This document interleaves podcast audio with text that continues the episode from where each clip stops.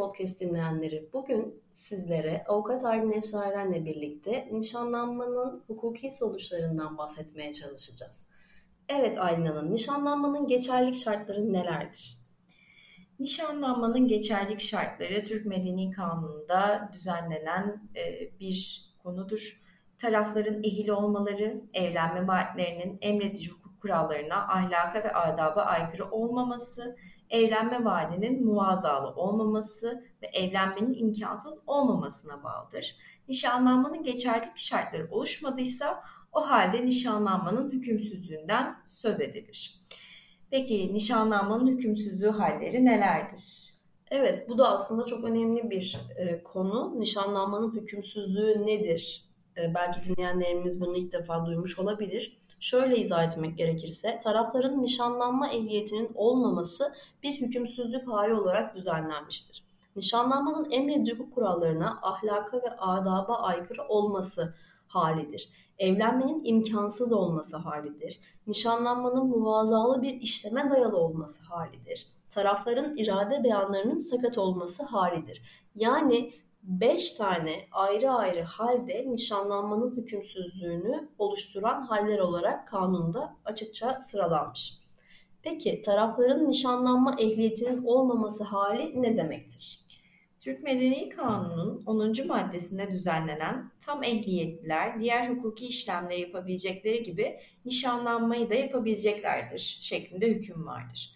Türk Medeni Kanunu'nun 15. maddesi gereği tam ehliyetsizleri açıklamak gerekirse ayırt etme gücüne sahip olmayanlardır. Tam ehliyetsizler ayırt etme gücüne sahip olmadıklarından yapacakları nişanlanmaya dair işlemler kesin hükümsüz olacaktır. Nişanlanma kişiye sıkı sıkıya bağlı bir hak olduğundan temsilci ya da vekalet ile yapılması mümkün değildir. Ayrıca tam ehliyetsiz kişiler evlenmeyecekleri için nişanlanmaları da mümkün değildir. Türk Medeni Kanunu'nun 118. maddesinin ikinci bendine göre sınırlı ehliyetsiz olan ayırt etme gücüne sahip küçük ve kısıtlılarda nişanlanma yasal temsilcilerinin rızası olmadıkça küçüğü ya da kısıtlıyı bağlamaz. Sınırlı ehliyetsiz, yasal temsilcisinin rızasını almadan yaptığı nişanlanmanın geçerli olduğu, nişanlısına karşı sadakat hükümlünün bulunduğu ancak nişanın bozulmasından dolayı ortaya çıkacak mali sonuçların kendisine yüklenilemeyeceğini söylenebilir. Türk Medeni Kanunu'nun 452. maddesinin ikinci bendine göre velayet altındaki sınırlı ehliyetsiz kişiler kendilerini ehil göstermek suretiyle karşı tarafı aldatmış ise bu sebeple karşı tarafa vermiş oldukları zararları tazmin etmeye mecburdurlar. Türk Medeni Kanunu'nun 451. maddesinin ikinci bendine göre tam ehliyetli taraf karşı tarafın durumunu öğrendiğinde sınırlı ehliyetsiz olan kişinin yasal temsilcisine nişanlanmanın gerçekleşebilmesi için uygun bir süre içinde onay vermesini isteyebilir. Uygun süre içerisinde onay vermeyen yasal temsilci tam ehliyetli olan tarafa nişan bozma imkanı da vermiş olur. Bu şekilde tarafların nişanlanma ehliyetinin olmaması hallerinden kısaca bahsetmiş olduk. Peki nişanlanmanın emredici hukuk kurallarına, ahlaka, adaba aykırı olması hali ne demektir? Şöyle izah etmek gerekirse, tarafların aralarında evlenme engeli bulunanların nişanlanması ve bir kişinin aynı zamanda birden fazla kişiyle nişanlanması durumudur. Yani bunların hepsi elbette ki ahlaka ve adaba da aykırı olan durumlar. Evlenme engeli olan kısımların, evlenmeye engel olan akıl hastalığının bulunması, aralarında evlatlık ilişkisinin bulunması, mevcut bir evliliğin olması nişanlanmaya da tabii ki engel oluşturmakta. Tüm bu engeller neticesinde yapılan nişanlanmalar hükümsüz kabul edilmektedir. Evlenme vaadinin kanuna, ahlaka ve adaba aykırı olarak yapılması da nişanlanmanın hükümsüzlüğünü oluşturmakta. Boşanmış ya da eşi ölmüş bir kadının Türk Medeni Kanunu'nun 132. maddesine düzenlenen iddet müddeti süresi beklenmeden nişanlanma hali geçerli kabul edilmiştir. Bunun sebebi ise iddet müddetine uymamanın kesin bir evlenme engeli oluşturmadığıdır. Evli bir kişinin mevcut evliliğindeki eşinin ölmesi ya da kendinden boşanması halinde başka bir kişiyle evlenme vaadiyle nişanlanması ahlak ve adaba aykırı olması sebebiyle hükümsüz kabul edilmekte. Bir kişinin nişanlıyken ikinci defa başka bir kişiyle nişanlanması hali de ahlak ve adaba aykırı sayılması sebebiyle hükümsüz olmaktadır. Birinci nişan sona erdirilmiş, akabinde ikinci bir kişiyle ikinci bir nişan yapılmış ise bu geçerli kabul edilmektedir. Bir kişi aynı anda iki nişanlılığı birlikte götüremediği için ve götürmesi de mümkün olmadığı için ikinci yapmış olduğu nişanlanma ahlaka ve adaba aykırı olması sebebiyle geçersiz kabul edilmektedir. Peki nişanlanmanın muvazalı işleme dayalı olması hali ne demektir? Muvazalı işlem olmayan bir şeyi olmuş gibi göstermektir aslında. Gerçeğe aykırı beyanlarda bulunmak gibi düşünün. Aslında aralarında bir nişanlık ilişkisi olmamasına rağmen bir erkek ile bir kadının nişanlanmış olduklarını açıklamaları, kendilerini nişanlı gibi çevrelerindeki insanlara göstermeleri hali nişanlanmanın hükümsüzlüğü hallerinden bir tanesidir. Peki irade beyanındaki sakatlık nedir? Taraflardan biri aslında nişanlanmayı istemediği halde zihni bir kayıt ile evlenme vaadinde bulunmuş ise bu durum irade beyanındaki sakatlıktan söz edilmesi anlamına gelmekte.